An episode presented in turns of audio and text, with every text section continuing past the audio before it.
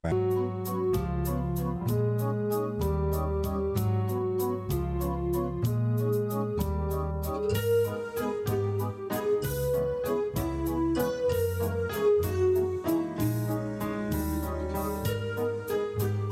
luisteraars in Amsterdam en de wijde omstreken bij het programma Het DNA van Amsterdam. Waarin wij ook uh, het komende uur de ziel van Amsterdam, van de hoofdstad van Nederland, gaan blootleggen. Of in ieder geval een poging gaan doen om deze te gaan ontdekken. Uh, we hebben natuurlijk weer een aantal uh, rubrieken. En we hebben uiteraard ook Amsterdamse muziek. En het zal u niet verbazen dat ik dit keer heb gekozen voor alleen maar liedjes met de titel Amsterdam. Maar daarover straks meer.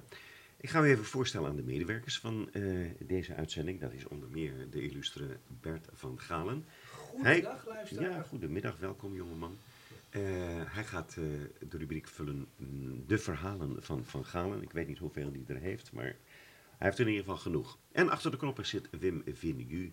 En dat geeft mij altijd een zeer behagelijk en vertrouwd gevoel. Want dan weet ik zeker dat het allemaal goed komt. Goed, het DNA van Amsterdam gaat uiteraard ook over 750 jaar Amsterdam. Daarvoor is dit programma eigenlijk bedoeld. En dat zal ook blijken uit het grote interview wat wij uh, vandaag hebben met Ahmed Polat. Ahmed Polat is de voorzitter van de stichting um, Amsterdam 750 jaar. En uh, hij gaat ons vertellen wat... Uh, wat hij allemaal van plan is met het jubileumjaar. Maar daarover straks meer. We hebben natuurlijk ook de Amsterdammer van de Week. En ik heb in dit geval gekozen voor Adèle Bloemendaal. Daarover straks meer. Uh, een cabaretière die uh, nu toch enigszins in de vergetelheid is geraakt. En het is nu maar de vraag of zij in het rijtje van um, onvergetelijke Amsterdammers terechtkomt. Want dat bepaalt uiteraard uiteindelijk het publiek om op al die namen te gaan stemmen. Maar daarover straks ook wat meer. Uh, eerst maar eens even een uh, muziekje om in de stemming te komen, wat dat betreft. En de keuze is voor het eerste nummer gevallen op de onvergetelijke Benny Nijman. En ik heb het al gezegd, het nummer heet Amsterdam. In Amsterdam zijn mooie gevels door palen hier en daar gestupt. Die achterlichte avondnevels heel langzaamaan zijn ingedut. Als achter de verlichte ramen een sfeer van slaperigheid heerst, schijnt er in neon buiten lichtreclame en komen dromen voor het eerst. Schijnt er in neon buiten lichtreclame en komen dromen voor het eerst. Als in de Amsterdamse grachten een boot met vuil wordt weggesleurd uit de Jordaan zijn jammerklachten, want het is met haar bijna gebeurd. En zomers komen de toeristen, een kerk verdwijnt voor een hotel. Kapitalisten, vandalisten spelen een monopoliespel. Kapitalisten, vandalisten spelen hun monopoliespel. Ook Amsterdam krijgt al een metro, net als Parijs en Rotterdam. Waardoor de homo, bi en hetero zich efficiënt verplaatsen kan. Als in de oude afbraakwijken alle verzet gebroken is, verrijzen grijze nieuwe buitenwijken, een eigen tijdse erfenis. Verrijzen grijze nieuwe buitenwijken, een eigen tijdse erfenis. Door Amsterdam stroomt traag de Amstel en aan de kade staat een man met op zijn rug de zware ransel van een mislukte zakenman. Voor hem is starend in het water de Amstel net nog diep genoeg. De stad is eigenlijk een brok theater van s morgens vroeg tot s morgens vroeg. De stad is eigenlijk een brok theater van s morgens vroeg tot s morgens vroeg. In Amsterdam, daar gaat het goede vaak met het kwade hand in hand. Men leeft in weelde en armoede. Men leeft bewust naar rang en stand. En hoog in zijn ivoren toren leeft iedereen langs elkaar heen. Maar Amsterdam maakt telkens weer furore. Ze blijft het vrijheidsfenomeen. Maar Amsterdam maakt telkens weer furore. Ze blijft het vrijheidsfenomeen. Dat was Benny Nijman. Weliswaar geen Amsterdammer, want hij is geboren in Maastricht. Heeft lang in Brabant gewoond, maar heeft hier in ieder geval op de eh, academie gezeten, toch? Kom even En je zegt. Brabant, Ja. maar hij is opgegroeid in Maastricht. En toen in zijn puberteit is hij in Brabant en via de opleiding kwam hij in Amsterdam terecht. Oh. En de man is maar 56 jaar oud geworden. Helaas. Buitengewoon sympathieke man. Absoluut, absoluut. Ja, zoals mijn moeder al zei, de goeie gaan het eerst. Eh, ja, maar dan zou het, eh, dan zitten wij hier met z'n drieën. Dan eh, is eigenlijk wordt wel heel persoonlijk dan, hè? Dus, eh, Daar gaan we het nu niet over eh, hebben. laten we dat, daar een ander programma van nemen. Hij wordt in ieder geval geen Amsterdammer van de week. Dat is, dat is duidelijk. Ik had al gezegd dat is in deze uitzending Adele Bloemendaal. Kom ik zo op terug. Maar herinner jij je nog dat we het vorige week hebben gehad over Hilterman? Ja, GBJ. meester G.B.J. Hilterman. G- G.W.J. Hilterman. Geboren in Argentinië, in. Buenos Aires. Die Eh, aanvankelijk in de, in de, eh, genomineerd was als Amsterdammer van de Week. Maar toen zei ik al, we hebben hem gecanceld. Want we moeten natuurlijk streng zijn. Ik bedoel, iemand met een reputatie die enigszins besmet is, eh, die komt niet door de ballotage. nee, even En voor, toen- voor de luisteraar, waarom is de man besmet? Nou, ik had het de vorige keer erover dat hij eh, nogal een, eh, wild, eh, amoureus leven heeft geleid. Nou, nou dat, is dat toch geen... juist, dat is toch juist, daar zou ik zeggen, hij moet naar erin. de top 10. Begrijp ik, dat begrijp ik. Maar er is meer. Ja. Want ik, ik heb dus even opgezocht. Ja, je moet natuurlijk wel van goede huizen komen, wil je zoiets beweren. Maar hij flirte als J. den Uil, moet je nagaan. In de jaren dertig kortstondig met het nationaal socialisme. En dan Oh. wordt het listig. Ja. En Hilterman ging daar tot diep in de oorlog mee door. En het bleef niet bij een flirt, want na de oorlog heeft hij zijn eigen geschiedenis herschreven. En we zijn, en we zijn met ons allen in het beeld van onkreukbaarheid getuind. Dat hij van zichzelf heeft neergezet. Ik heb het allemaal van internet hoor. Ja. Eh, en dat blijkt namelijk uit de, de nieuwe pil van Mariette Wolf, Het Geheim van de Telegraaf. Ehm, uit een brief van Hilterman aan eh, de VNJ uit januari 41 blijkt zonneklaar hoezeer hij de komst van de Duitsers omarmt. Eh, mijn opvattingen van den nieuwe tijd dateren van de jaren voor 9 mei en het verlangen naar een krachtiger, heroïscher mens, naar een forscherer levenshouding en niet ontsproken aan de mentaliteit van een inwoner van bezet gebied. Quote van de heer Hilteman. Dus dat was eh, ook een reden om te zeggen, nou, die schrappen we uit de lijst. Heb je Dan begrip heeft, hij, voor? dan heeft hij wel geluk gehad dat ze daar bij de Elsevier en de Avro nooit iets van hebben eh, opgestoken of gemerkt. Nee. Of dat, dat nooit iemand over hem geklikt heeft. Want tijdens zijn leven zijn dit soort verhalen nooit eh, genoemd. Maar ja, maar als dat later uitkomt en het blijkt te kloppen, ja. Eh, wij moeten natuurlijk, We moeten ook, ook met Amsterdam 750, moeten we toch bepaalde regels En er komen natuurlijk heel, er komt er heel veel voor in aanmerking. Ja, Eh, en dus hij, eh, Hilteman gaat, na de, nog even dit. Na de oorlog verdoezelde Hilteman niet alleen zijn aanvankelijke liefde voor de Duitse bezetting. Hij zette zichzelf in zijn drie, let op, drie memoires ook neer als een held, heldhaftige journalist. Die altijd al geweten had dat de nazi's niet deugden. Dus dan ben je nou ook nog een hypocriet. Over de doden niets dan goeds, maar in Nee, dit geval maar- moesten we dat toch even toevoegen. En dan gaan we nu over naar eh, Adele Maria Hameetman. En dat is de echte naam van Adele Bloemendaal. En aan die naam is gekomen omdat ze met iemand was getrouwd die eh, Bloemendaal heette. Ze is ge- eh, geboren in Amsterdam, uiteraard, 11 januari 1933. En ook in januari, zij tien dagen later, in 2017, overleden. Ze is natuurlijk een onvergetelijke cabaretière en eh, zangeres. En ja, als je haar, haar biografie leest, ja, dat is, eh, dat is een heel verhaal. Eh, heb jij haar gekend? Ik heb het leuke is, zij woonde bij de, als je de bijenkorf hebt, aan de overkant heb je een heel smal steegje. Ja? En daar zit een heel klein viswinkeltje van een zekere Rob. Ah. En het viswinkeltje van Rob, dat is ochtends om half zes al open.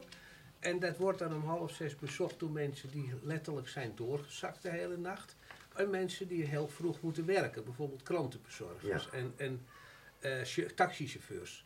Nou, Adelle Bloemendaal heeft jarenlang daarboven gewoond. En die kwam altijd met een behoorlijke slok op, dan heb ik het over de jaren tachtig, kwam ze daar. En dat was daar een zeer gezien persoon. Ze Ja. was ook soms in gezelschap van Rijk de Gooier en Johnny Kraaikamp. Nou, dan ben je Toen de goed tijd de komieken. Alhoewel, Rijk de Gooier was als hij dronken was ook nou niet altijd bepaald de meest eh, pacifistisch ingestelde persoon. Want die was toch ook nogal dat hij al snel boos kon worden en een Nou, uitdelen. Het- en, er is net een biografie over hem verschenen en daarin staat dat hij toen eh, bij de kring werd geweigerd, hè, dus de kunstenaarssociëteit, eh, regelde hij een, zo'n kettingzaag en eh, heeft daarmee de deur eh, geforceerd. Dus ja, Ja. over agressief nou, gesproken. dus Rijk de Gooier komt ook niet Nee, in aanmerking als komt niet in Amsterdammer. Ja, Helaas, ik vond het een leuke man, maar Een schitterende man. En ook een man met een, een, een je hebt het over oorlogsverleden. Wat ik bij Rijk de Gooier altijd zo prachtig vond. Dat die had er altijd een enorme hekel aan als mensen over de oorlogsjaren gingen fantaseren. En bij hem is het echt zo geweest. Dat eh, hij was op een gegeven moment met een vriendje en hij wou avontuur. En toen konden ze dus, als ze was in 43, als ze de linkse weg waren opgegaan, hadden ze getekend voor de Duitsers.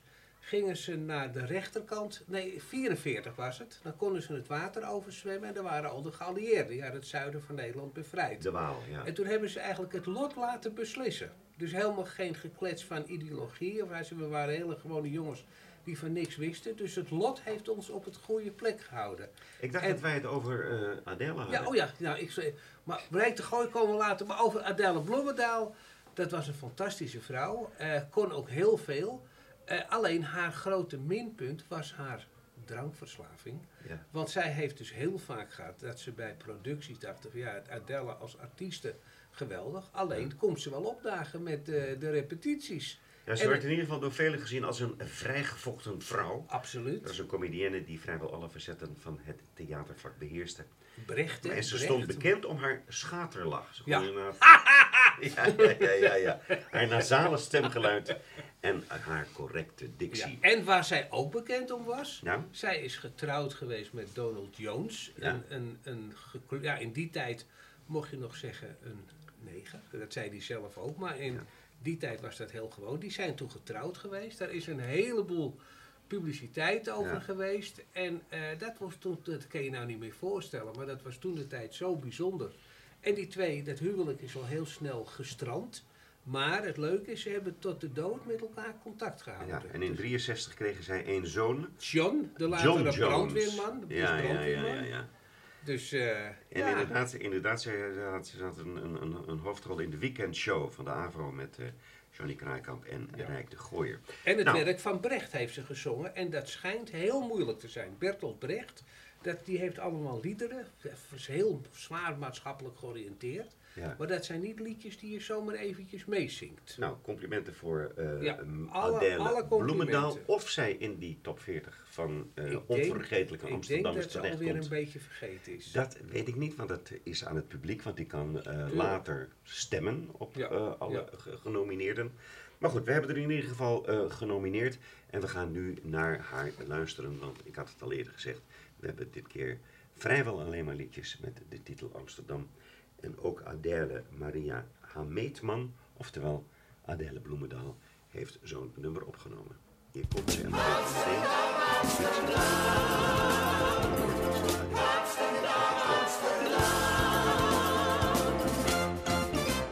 Aan de Amstel in het ei is de beschaving lang voorbij. Daar wordt iemand die niet waakt voor twintig gulden koud gemaakt. Een eerlijk mils wordt weggehoond, waarmee dat zeer de moeite loont. Waar men schiet en stelt en knalt en al maar banken overvalt. Waar geen kassier meer uitbetaalt als je geen trekker overhaalt. In heel het mensdom zit de klad, daar in de stad, daar in de grote stad. Amsterdam, Amsterdam. Amsterdam, Amsterdam. Waar niemand bidt en niemand werkt, waar men de verslaving sterkt. Daar zijn kindertjes van zes nooit met hun hoofd meer bij de les. Vergeten potlood, pen en gum, beneveld door de opium. Ik zelf hou ook wel van een shot en mijn priknald is al bot. Maar ik vind het glad verkeerd als men peuterspuiten leert. Het hele onderwijs ligt plat daar in de stad, daar in de grote stad.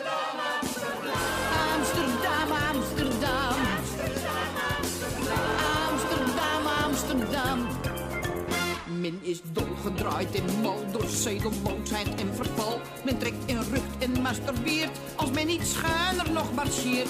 Open en blot midden op straat, je glibbert voort over het zaad. Meisjes van drie zijn veel gevraagd, amper drie zijn ze geen maagd. Dan maken mannen goede sier met een heroïne hoer van vier. Het zijn het beesten, weet u dat? Daar in de stad, daar in de grote stad. Amsterdam. Amsterdam, Amsterdam.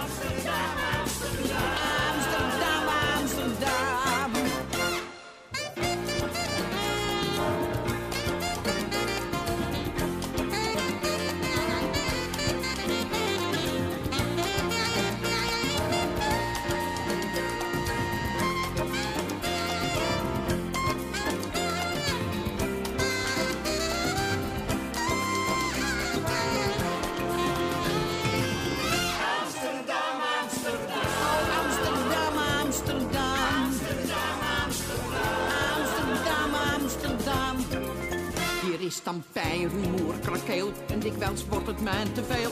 Toch je blijft op parel aan het ei. Je bent de mooiste stad voor mij. Ik heb je lief, dat is het rare. Ondanks duizenden bezwaren. En ik weet dat ik je nog bezing. Als ik van die oude wester spring. Dat ik van louter geestdrift druip. Als ik in de herengracht verzuip. Voor mij op aard geen groter schat dan deze stad. Dan deze grote stad. Amsterdam.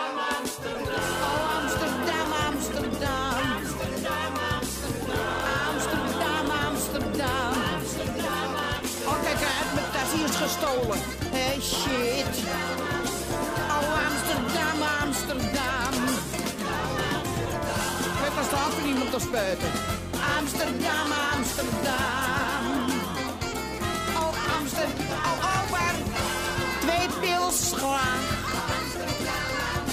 Oh, Amsterdam, Amsterdam. Wat een dronken tor.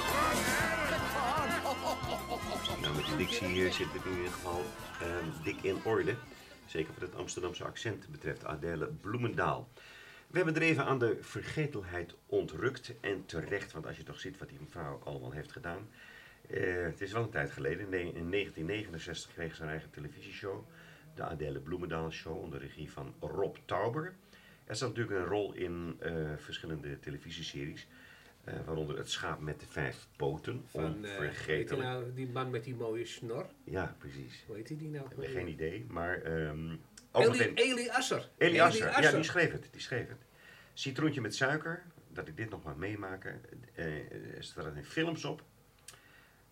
Oh, in de Vlaamse pot zat ze ook nog. En in de films eh, schitterde zij in Nacht over de schutting en op de Hollandse Tour met Wim Sonneveld. Tot zover Adele Bloemendaal. En het is aan de luisteraar om te bepalen later of zij in eh, de galerij van de Groten van Amsterdam in het kader van Amsterdam 750 jaar terechtkomt. Ik had het u aangekondigd en beloofd. We hebben een interview met eh, Ahmed Polat, eh, de grote man achter het jubileumjaar. En ik zou zeggen, laten we maar even horen wat hij te vertellen heeft, want eh, en dan hoef ik niet in herhaling te vallen. Het woord is aan Ahmed Polat. En wij praten met Ahmed Polat, de creatief directeur van Amsterdam 750 jaar. We zitten hier in het zonnetje, in het zonnehuis, op het zonneplein. Zonniger kan bijna niet, denk Nee. ik. Heerlijk dit. En heeft de, de, eh, het, het jubileumjaar ook zonnige vooruitzichten. Wat jou betreft. Ja. Oftewel, hoe ver zijn we? Want je bent nu ongeveer een half jaar bezig. ja, iets meer dan een half jaar ben ik nu eh, betrokken bij de Stichting Amsterdam 750. En zoals je al zegt, we zitten hier eh, op dit prachtige plein. En, ehm, in Noord. En dat is ook een van de eh, dingen die wij vanuit de stichting ehm, actief zijn gaan doen. Om echt in de stadsdelen, in de buurt, in wijken, met bewoners in gesprek te komen. En om dan ook hier echt te gaan zitten. Dus we reizen de komende twee, drie jaar eh, door de stad heen. We blijven nu eventjes hier. Aha. En ehm, we, hebben, ehm, ja, we hebben een subsidieregeling voor de stadsdelen. Eh, we hebben net eh, Oost en eh, Weesp eh, gehad. En we zijn nu wer- werken we toe naar Nieuw-West en West. Mhm. Nou, daarna komen de andere stadsdelen weer aan de beurt. Ehm, maar dat is heel veel praktische informatie. Nou ja, Wat- kun je al iets vertellen over wat er eh, uit Oost tevoorschijn is gekomen? Ja, heel veel. Ik denk dat we 24 prachtige projecten op dit moment aan het behandelen zijn. Dus dat is natuurlijk jammer voor dit gesprek. Ik kan er alleen maar over zeggen dat we ehm, in een korte tijd echt zien dat mensen enorm betrokken zijn Hmm. bij hun, in dit geval stadsdeel Oost en Wees, maar gewoon met de stad in het algemeen. En dat de kwaliteit van de, van de aanvragen en de ideeën die mensen hebben, om zelf ehm, de viering vorm te geven, daarbij hun netwerk en hun buurtbewoners en gemeenschap te betrekken, Ja. ja, dat is gewoon, eh daar kan je echt wel heel, eh, daar word je heel blij van. Of in uw woorden, zonnig. Dan zie ik, dan zie ik het wel zonnig voor me. Ja, ja. Wordt, het een volksfeest? Wordt het een volksfeest? Ehm, ja, ik krijg daar gelijk heel veel beelden bij. Ik ben een beeldmaker ook, hè? Ja, ja, maar, ik moet je nog even introduceren, want je is Ja. ook eh, niet zomaar iemand, maar eh, je bent eh, fo- eh, fotograaf des Vaderlands geweest in 2015. Klopt. Hebt eh, gepubliceerd in niet de geringste bladen, eh Harper's Bazaar, eh, eh, New York Times, eh, Ja. Rolling Stone. Ja, Paris, Paris Match. En Paris, precies, ja. dat is eh, wat de Belgen zeggen, een aardige palmares. Ja. En, eh, en je bent creatief directeur, dus je bent heel creatief. Ja, ja. Ehm, Wat voor beelden krijg je dan bij, bij, bij, bij het volksfeest? Nou ja, kijk, ik kom zelf uit een heel klein dorpje in eh, Brabant. En ik moest heel erg denken aan eh, destijds Koninginnedag. Hè? Dus voor Oh mij ja. was Beatrix natuurlijk eh, de koningin eh, in die tijd. En dan, dan vierde je dat met, met, je, met je buurt, met je omgeving. Er hoorde muziek bij, er hoorde spelen bij, er hoorden activiteiten bij, er hoorden hobby's bij. En iedereen werd daar wel in gezien en gehoord. Nou, we zijn nu eh, in mijn verhaal 30 jaar verder en heel veel van die dingen, die, ja, sommige zijn gewoon verdwenen, sommige zijn veranderd. En toch denk ik dat we eh, met elkaar daar weer, daar weer behoefte aan hebben om met elkaar iets te vieren. Ehm, en ik denk dat we ook weer op zoek zijn naar bepaalde tradities. Dingen die we altijd misschien wel in onze jeugd gehad hebben, die even verdwenen zijn, maar die ook wel weer terug kunnen komen. Dus dit is natuurlijk het perfecte moment. Ehm 750 jaar Amsterdam, 2025. Daar kunnen we met elkaar naartoe werken. Ja. En dan zie je ook dat mensen vanuit die herinneringen, belevingen, verhalen uit het verleden, dingen die ze gehoord hebben, maar ook bijvoorbeeld eh, nieuwe verhalen. Amsterdammers met eh, ook een niet-westerse achtergrond, die weer andere tradities meenemen. Ook die geven we de ruimte om die tradities te laten landen in deze mooie stad. Ja, en dat vind ik natuurlijk fantastisch om dat vanuit de stichting mogelijk te kunnen maken. ja. Ja. Is het ook een soort eh, antwoord op, de, op de, de huidige polarisatie Ja, en gentrificatie? Dat soort eh, ja dat is wel. ontwikkelingen? Nou, ik kan hem persoonlijk beantwoorden. Ehm, ik, ik, ik ben met mijn werk al vanaf, hè, u zei net, eh, fotograaf des vaderlands. Wat houdt het nou in? Ja, ik ben altijd met hele sociaal-maatschappelijke thema's bezig. Mhm. En ik kijk altijd naar, eh, kunnen wij vanuit het werk wat we doen, of het nou cultureel is, of vanuit de kunstvormen, of het nou vanuit onderwijs is, maar kunnen wij sociaal-maatschappelijke impact maken en precies zoals u ook eh, benoemde net, die eh, polarisatie tegengaan. Eh, want ja, we zijn anders. Ja, we hebben verschillende meningen en ideeën. Maar ik ben wel zo, ik heb het altijd geleerd van heb respect voor die verschillende meningen en blijf naar elkaar luisteren en probeer altijd het gesprek met elkaar te blijven voeren. Want als dat verdwijnt, dan verdwijnt de samenleving. En dat is heel raar om te zeggen. Ik heb het verschillende landen mee mogen maken. dat kan je niet voorstellen wat dat met je doet. Als je een land uit elkaar ziet drukken en dat je mensen die eigenlijk familie zijn van elkaar tegen elkaar ziet Hmm. eh, vechten. Nou, dat is, dat is vreselijk. Hmm. Dat wil je niet. Hmm. Dus ik doe er alles aan op elk moment van de dag om daar in ieder geval een bijdrage te leveren. Om eh, nou ja, de positieve kanten toe te, toe te werken. Ja, klinkt, klinkt prachtig natuurlijk. Ja. Maar hoe, hoe breng je dat in de praktijk? Dat lijkt me niet zo makkelijk. Nee, nee dat is, en het is ook geen, eh, het is ook geen hocus pocus. Het is eigenlijk, eh, of het is ook niet heel zweverig hoe ik erin sta, is eigenlijk heel pragmatisch. Ja, ja. Hè, mensen willen gehoord worden, willen gezien worden, hebben uitdagingen elke dag weer. Nou, we, hoeven, we kunnen ze allemaal opnoemen, Ja. maar we hebben net de energiecrisis waar we ook middenin zitten, klimaatveranderingen. Eh, deze tijd van het jaar, ik zit nu midden in het zonnetje. Het is Ja. heerlijk, ja, fantastisch. maar Maar een beetje een raar moment van het jaar.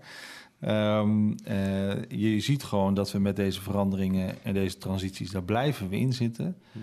Dus we kunnen niet meer afgaan op van hoe het was. Hmm. Dit is de werkelijkheid. En hoe gaan we dit met elkaar oplossen? Of hoe gaan we dit met elkaar eh, tegemoet? Hmm. Ja, en in je eentje doe je niks. nee, dat is, eh, dat is duidelijk. Is eh, dat de subsidieaanvraag voor Oost is nu achter de rug? Zit daar een, een soort rode draad in, Is in wat betreft die initiatieven? Ja, heel veel mensen willen echt samenwerken met elkaar. Je merkt ook gewoon eh, dat, ze, dat heel veel projecten ook gaan over ontmoeting. En dat is natuurlijk eh, en, en fysieke ontmoetingen. Er is behoefte aan. Oh, dat is echt zo duidelijk. Ik bedoel, het is eh, ehm, ehm, ja, nogal logisch misschien wel na twee jaar COVID. Heel veel mensen die elkaar op afstand hebben moeten zien of juist niet meer hebben kunnen zien. En ik weet niet hoe, eh, ja, als ik eens naar mezelf kijk, maar hoe we erin staan, ja, je, je, het moest wel, ik moest wel weer wennen. Ja. En, en, en nog steeds, en eh, ik zei het eh, laatst ook nog wel eens aan het fotograferen, toevallig hier in Amsterdam. Ik zeg, ja, ik, ik, ik heb jarenlang contact gehad met mensen om te fotograferen, maar het is toch voor mij ook weer even zoeken hoe ik dat doe. Hm. En, en dus we hebben we behoefte van om met elkaar weer opnieuw die sociale afspraken te maken. Hè, langs een, eh, een, misschien de vorm van een spel. Of met elkaar een, een, een verhaal onderzoeken in een wijk, wat er in de geschiedenis ligt. Of eh, met elkaar ehm, gewoon heel simpel weer heerlijk aan een mooie tafel gaan eten. Met goede gesprekken erbij. Ja. Dus daar, daar, daar zie je wel heel veel eh, dingen in eh, terugkomen. En tegelijkertijd zie je weer hele innovatieve verhalen. Mensen die dingen bedenken, die we dachten van, oh, maar dat, is, dat hebben we toch al. Maar dan daar toch weer net een draai aan geven, Ja, ja, een twist. een twist. En dan denk je van, nou, dat, dat is ook wel heel erg innovatief. Ja, ja. En er horen nieuwe media-ideeën bij. Dus verhalen die normaliter misschien in een museum zouden hangen, die nu opeens in de publieke ruimte terechtkomen. Eh, of eh, sporten in combinatie met sociale ontmoetingen. Ehm, ja, dat zijn, ja, daar krijg je heel veel plezier van als je dat allemaal ziet en leest. Ja. Even een, een vraagje over die subsidies. Ehm, waarom gaat dat in fase eh, van stadsdelen? Want als- als ik nu in, in Oost woon, ben ik te laat. En ik heb een prachtig idee. Ja, dus ehm, sowieso is niemand te laat. Oh. Want er komt nog een hele grote eindronde voor de hele stad. Oké. Ja, dus dat, dat wees, wees gerust. Gelukkig maar. Ja, maar we, we hebben wel gezegd van wij, ehm, hoe groter de organisatie, Ja. hoe meer geld er bij ons blijft hangen en niet in de stad terechtkomt. Dus de organisatie is lean and mean, zeggen we dan. Ja, ja. Gewoon, eh, heel klein, maar we doen het goed. We doen ons best om iedereen te faciliteren. En per stadsdeel kunnen wij net meer aandacht geven om partijen te betrekken. Mensen die heel erg al bezig zijn in die stadsdelen, maar misschien nog nooit een subsidie aanvragen of daar helemaal niet mee bezig zijn. En het zijn ook niet de minste bedragen. Het gaat over 10, 20 en ook 50.000 euro. Dan kan je zeggen van ja, is dat nou is dat veel, is dat weinig, is dat genoeg? Voor sommige mensen is dat een bedrag wat ze nooit hebben binnengehaald of gezien hebben. Dus je moet mensen ook aan de voorkant meenemen. Meenemen over van hoe ga je hiermee om? Wat kan je hiermee doen? Welke steun heb je hierbij nodig? Kunnen we een netwerk faciliteren? Heb je praktische ondersteuning nodig? Nou, dat bieden wij aan de voorkant. Dus op die manier proberen wij echt per stadsdeel iedereen het verhaal te laten landen, mee te nemen en te zorgen dat er ook gewoon ja, hele nieuwe aanvragers eh, binnenkomen die, eh, Ja. die gewoon heel veel eh, ja, initiatief hebben en hiermee steun kunnen vinden. En als we dat per stadsdeel zo komende anderhalf jaar gedaan hebben. Dan komt er dus in 2024 de eindronde, of nog zeg maar de, de, de subsidie voor de hele stad. En dan kan nog een keer iedereen, zelfs al heb je hem al een keer ingediend en is die niet goedgekeurd, hè, misschien misten er onderdelen aan, dan kunnen we dat, dan hebben we daar gesprekken over. En dan we van nou, dien hem nog een keer in, maar neem dit en dit en dit mee. En dan eh, maak je gewoon weer kans. Dan is het heel makkelijk om geld uit te delen. Maar hoe weet je wat goed terechtkomt? God, ja, nou, zo makkelijk is dat niet hoor. Nee, hè? Ja, dat is, dat is natuurlijk altijd heel erg ehm, heel moeilijk. Ik heb zelf eh, gelukkig ook, ik heb zelf ook in mijn tijd eh, met subsidies gewerkt en als adviseur gewerkt. En je moet altijd heel goed kijken naar de, de intrinsieke motivatie van, eh, van de mensen. Heel veel mensen willen namelijk gewoon iets doen. En je moet ze soms ook daarin, en dat zei ik ook net, aan de voorkant ook soms eh, helpen, maar ook soms eh, ervan bewust maken dat niet alles kan. Ja, ja. Hè, dus hou het realistisch. Want soms, doe, soms doe je dingen en dan denk je bij jezelf van, eh, nou, ehm, als ik dit zie, dan denk ik niet dat het de eindstreep gaat halen. Dus probeer een tiende van wat je nu bedacht hebt en kijk of dat gewoon gaat lukken. Hè, dat is ook heel belangrijk. Dus hou het realistisch, hou het haalbaar. Leg de drempel niet te hoog voor jezelf, want je moet een lange adem hebben. Je bent daar misschien met één of twee mensen mee bezig of met een kleine partij. Er veranderen dingen, dus, dus daar zijn we altijd wel in mee aan het denken. Ja, en we hebben gewoon iedere keer eh, gewoon ook contact. We houden contact met de mensen die een toekenning hebben gekregen. Om te kijken hoe het loopt en hoe het gaat. Ja, ja, ja, ja. Ja. Wordt het, eh, je- had het nu over 24 eh, valide voorstellen vanuit Oost. Ja, en Weesp, hè?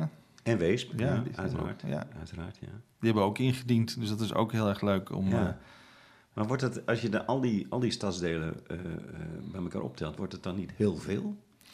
ja, Kan daarom... dat nooit genoeg zijn? Ehm, wat wordt dan heel veel? Het, het Nou, begeleiden? veel- heel veel initiatieven, heel veel dingen die georganiseerd worden. Een, een soort explosie aan activiteiten in dat jaar. Ja, nou het mooie is, het, bouwt zich op. En niet iedereen is bezig om het alleen maar tijdens het jaar van de viering. Hè. Dat begint 27 eh, oktober 2024. Is het begin van het jaar. 27 oktober 2025 is het einde van het jaar. Sommigen willen heel erg binnen dat jaar dingen doen, maar ook mensen willen nu al aan de slag. Dus we zeggen ook van nou, als het eh, goed onderbouwd is en je wil nu een aantal dingen doen en het draagt bij aan uiteindelijk die viering, of het draagt bij aan de gemeenschap die zich dan ook betrokken gaat voelen bij die viering, dan, dan speelt dat voor ons ook heel erg mee. Dus niet alles hoeft dan, maar wat we wel willen is dat het het feest van alle Amsterdammers is. En dat Juist. kost gewoon even tijd en werk Ja. om iedereen mee te krijgen. Of in ieder, geval, in ieder geval iedereen daar bewust van te maken. Ja, ja, ja, ja, ja. En daar wordt, dat is ook de, de, daar wordt ook op afgestemd, de, de, de activiteiten. Zoveel mogelijk verbinding. Totaal. Ja. maar dat hoeven wij niet te doen. Dat komen mensen zelf al mee. Ja, ja. Mensen zijn zelf al eh, op zoek naar manieren om dingen die ze doen en daar die verbinding in te blijven vinden. Nou ja, één, één eh, aspect wat mij heel interessant lijkt, is het feit dat één op de vier Amsterdammers eenzaam tot extreem eenzaam is. Ja. En dat lijkt me een uitdaging voor, voor, het, eh, voor het jubileumjaar om daar iets aan te doen. Ja, er liggen heel veel sociale en maatschappelijke uitdagingen, waaronder zeker eh, een hele belangrijke eenzaamheid bij eh, eh, oudere burgers, bij jongeren. En ehm, kijk, ehm, we zijn ons heel bewust van het feit dat we, we doen een bijdrage, maar we kunnen niet alles oplossen. Maar we zijn ook niet blind voor datgene wat er speelt. Dus dus, dus eh, we, we proberen echt wel ook eh, partijen die misschien nog twijfelen. En die zeggen van ja, moet ik nou iets gaan doen rondom eenzaamheid? Of ik heb een heel mooi idee. Maar moet ik dan subsidie gaan aanvragen? En wij zeggen van ja, weet je wel, kijk of je het gewoon indient. Ehm, als het iets wordt eh, met een toekenning, dan is het niet alleen maar het financiële, maar ook de bekendheid van zo'n traject. En misschien kan je het nu in het klein doen en gaat het straks uitgroeien tot iets wat ook in andere stadsdelen eh, eh, kan landen. Of Ja, misschien wel verder dan Amsterdam. Ja, Want het speelt niet alleen maar in Amsterdam natuurlijk. Al deze thema's spelen door heel Nederland heen. Eh, maar we kunnen daar wel een voorbeeldfunctie in nemen. Dus dat is iets wat wij eh, proberen te stimuleren. Juist. Nu heeft de gemeente Amsterdam, want dit, is- jij bent van de stichting, Ja. je bent creatief directeur van de stichting Amsterdam 750 jaar. En dan heeft de gemeente ook een, een afdeling, eh, Amsterdam 750 jaar. En jouw collega wordt dan Sietse Bakker, de organisator van het Songfestival. Ja. Wat is het verschil? Nou ja, het ene, het heel groot verschil is dat je, je hebt meerdere componenten nodig, of meerdere onderdelen. Ja, als je, ik, ik vergelijk het even met een auto. Ehm, hè, je hebt de motor, je hebt de wiel, de stuur, je hebt gewoon verschillende componenten nodig. Ehm, ik denk dat wij heel erg eh, eh, het, eh, de energie faciliteren om dingen vooruit te duwen. De inspiratie en de vrijheid die vanuit de stichting met de projecten die we in de stadsdelen tegenkomen en ondersteunen, kunnen we hele mooie dingen al vast gaan, gaan aan, Jagen, ja. aanjagen. En ehm, ja, Siets is net aangesteld. Ehm, directeur van Amsterdam 57. Uh, en die zijn nu vooral bezig om ook alle grote partijen. Hè, dus je hebt um, natuurlijk grote spelers vanuit de kunst en de cultuur, vanuit uh, bedrijfsleven, uh, vanuit onderwijsinstellingen op alle niveaus, vanuit sociaal-maatschappelijke grote instanties, die misschien ook wel betrokken willen zijn en zeggen van ja, maar wij willen wel steun bieden aan dit project of we willen een, uh, een grotere bijdrage doen of iets laten landen, nou, dan heb je een andere organisatie nodig. En dat doet Amsterdam 57 vanuit de gemeente. Dus jullie, jullie lopen elkaar niet voor de voeten? Nou, op dit moment lopen we samen met elkaar op. En dat is ook wel, uh, dat is natuurlijk ook niet altijd even vanzelfsprekend, maar we vinden elkaar heel goed ik merk gewoon dat het heel leuk is om uh, met, uh, uh, met deze partij samen deze viering aan te gaan. En we hebben allemaal dezelfde belangen. In ieder geval dat we met elkaar, met alle Amsterdammers, naar zo'n viering toeleven. Nou, natuurlijk wordt daar ook een heel groot feest bij. Hè? En dat, dat, dat dat feest gevierd gaat worden. En dat dat begint op 27 oktober 2024. Daar valt een andere soort organisatie onder. Nou, dat gaan zij doen. Hè? En wij zorgen ervoor dat we vooral de Amsterdammers meenemen vanuit al die stadsdelen. Ah, oké. Ja. Ja, ja. De, de, uh, hebben jullie regelmatig overleg dan om te voorkomen dat je uh, met dezelfde onderwerpen bezig bent? Um, voorkomen? Nou ja, ik wil, jullie, jullie zijn allebei uh, hetzelfde traject aan het afleggen. het zit heel mooi in elkaars verlengde, hè? Oké. Okay. Toch? Of heb ja, ik hem nog nou niet helemaal... Nou, nee, geef nog even aan waar dan de verschillen precies zitten. Want die heb ik nog niet helemaal in het uh, snotje. Ja, nou... Uh, ik denk dat je vanuit de stichting kan zien... wij faciliteren financiële, praktische ondersteuning en middelen... voor de stadsdelen en de burgers. En dan hebben we het echt over de Amsterdammers. Kleine, middengrote organisaties... die kunnen bij ons uh, terecht voor ja. projecten.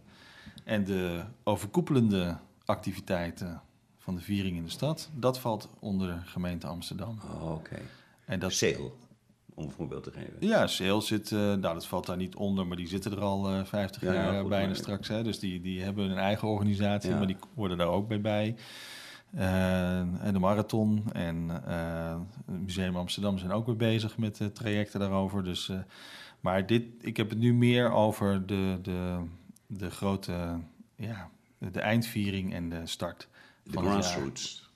De grassroots, dat zijn wij, denk ik. Ja, ja, Als je het even op die manier wil bekijken. Wij zijn echt, en daarom ook creatief directeur.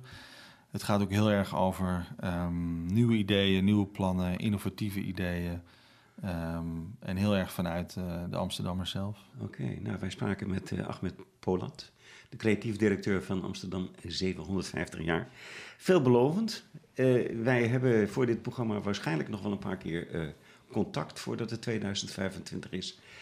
Ik wens je heel veel succes met uh, alle voorbereidingen. En uh, voor zover ik het nu kan beoordelen, klinkt dat uh, buitengewoon veelbelovend en, en interessant. Dank voor het gesprek. Dankjewel. Hè.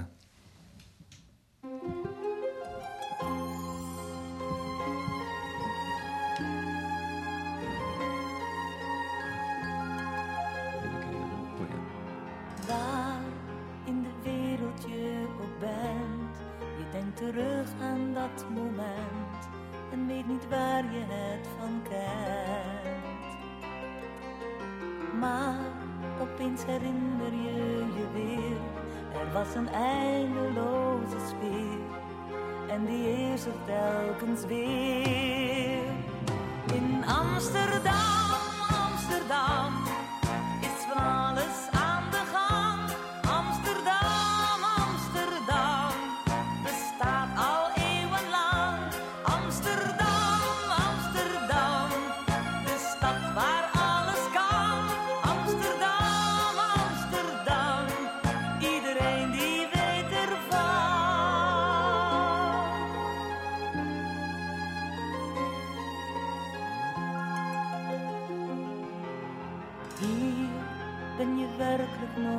alleen.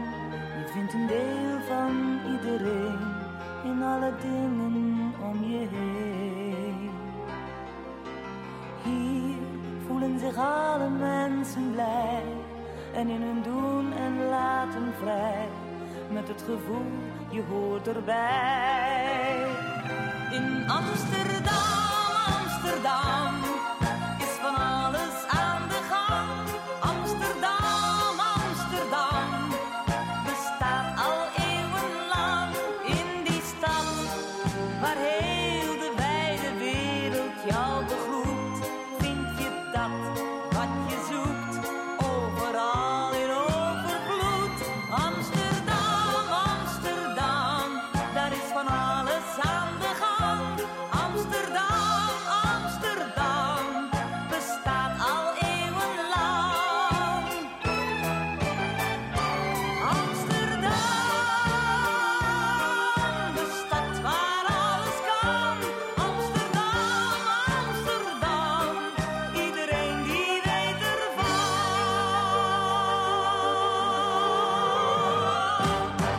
Oké, dat was uh, Sjoukje Spijker, oftewel eh, Maggie McNeil.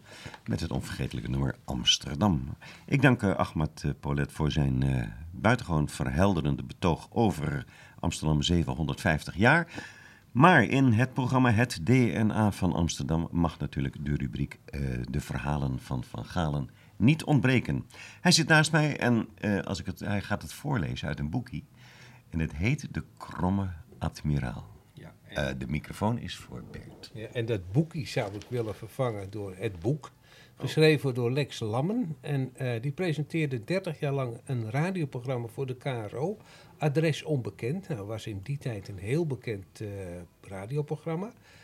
En die Lex Lammen die woonde van 1938 tot 1968 aan de Admiraal de Ruiterweg in de Zeeheldenbuurt in Amsterdam. Daar heeft hij 30 jaar geleden een heel boeiend boek over geschreven. En er staan een paar verhalen in die precies de stemming weergeven hoe het toen was in de stad. We gaan terug naar de oorlogsjaren. Het verhaal De Kromme Admiraal. Als het echt zomer was en de zon s'morgens recht ons trapportaal inscheen, zodat de verf op de onderste treden prikkelend ging ruiken, droegen de conducteurs en bestuurders van de Haarlemse tram hun zomeruniformen. Het waren bleekgroene pakken van vooroorlogse snit met bijbehorende slappe pet. Met die Haarlemse trams en hun bemanning ben ik opgegroeid.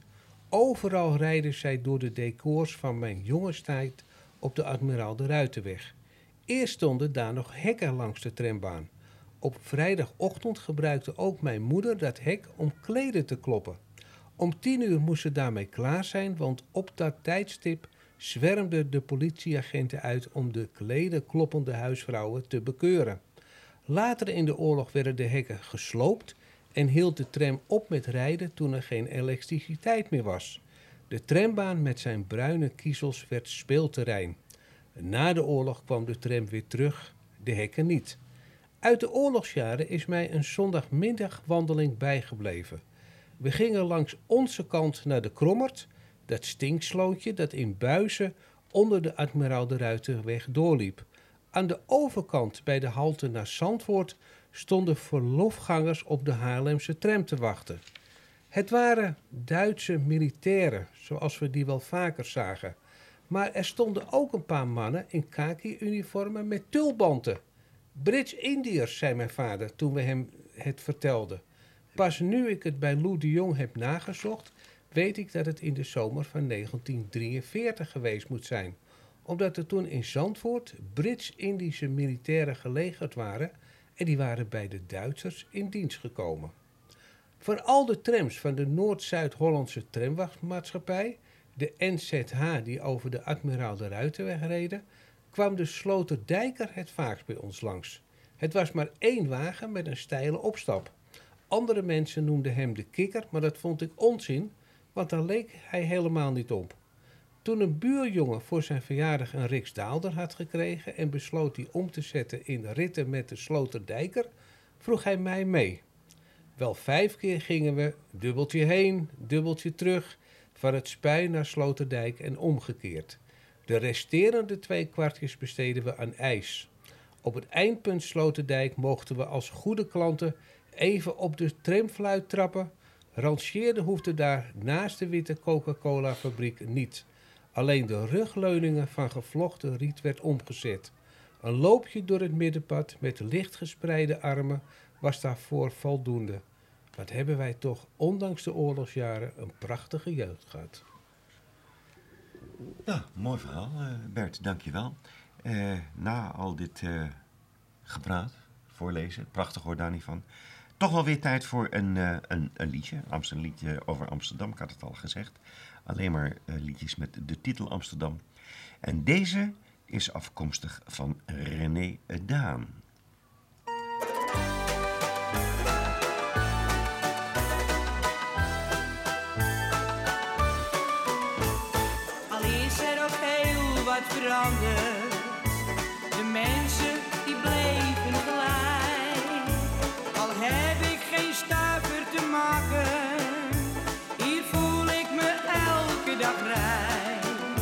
Waar kan je gewoon in een kroegje staan grienen bij een mooie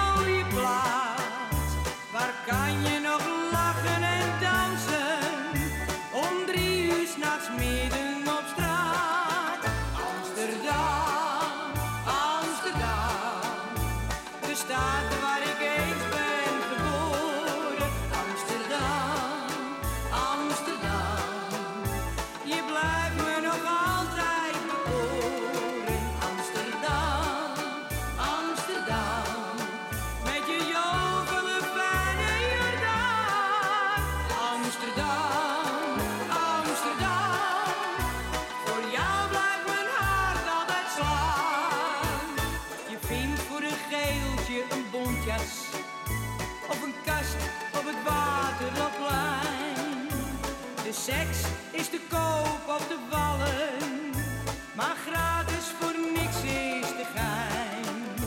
Wat krijg je bij een bakje koffie? Een shaggy, dat raakt naar de wiet. Waar deel je oprecht met je buren, je vreugde maar ook je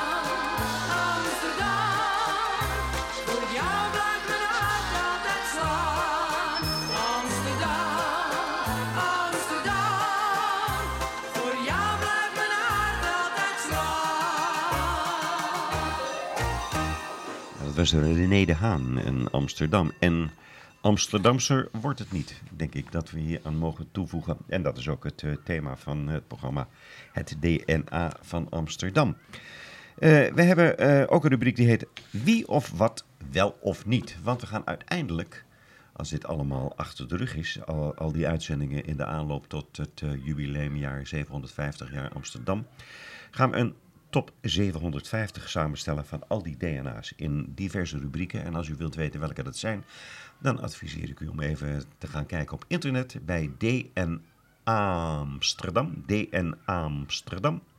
Met 1A. DNA Amsterdam, maar dan met 1A. Daar vindt u ze allemaal en dan vindt u ook allemaal subrubrieken. En dan kunt u zich een beetje oriënteren eh, wat betreft het stemmen in de toekomst. Want dat laat nog even op zich wachten, want het duurt nog even voordat het zover is natuurlijk.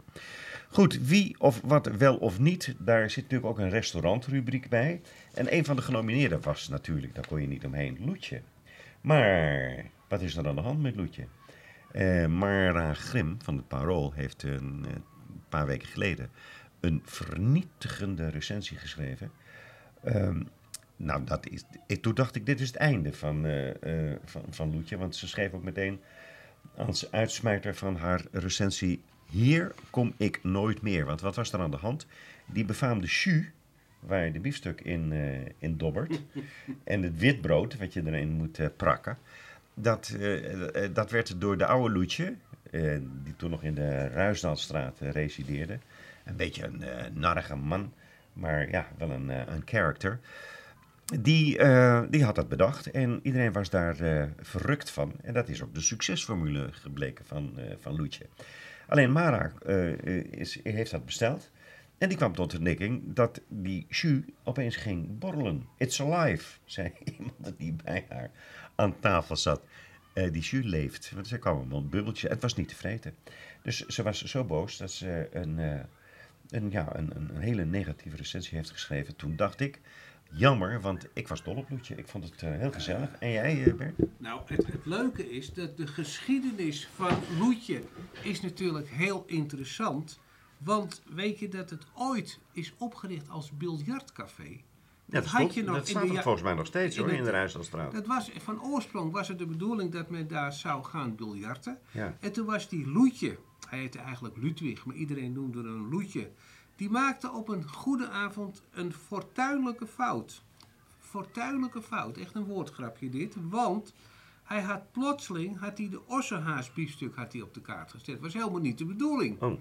En er stond daar dus plotseling een ossehaasbiefstuk, een hele grote, met een hele grote zak patat erbij. Want hij had ook veel meer aardappelen in huis dan de bedoeling was. En toen dacht hij, nou ja, het is het enige wat ik heb, is kijken hoe de mensen erop reageren. Nou, wat gebeurde? De zaak staat vol en de mensen waren verrukt. Te, het volkomen tegenovergestelde van die ervaringen van die mevrouw van het parool.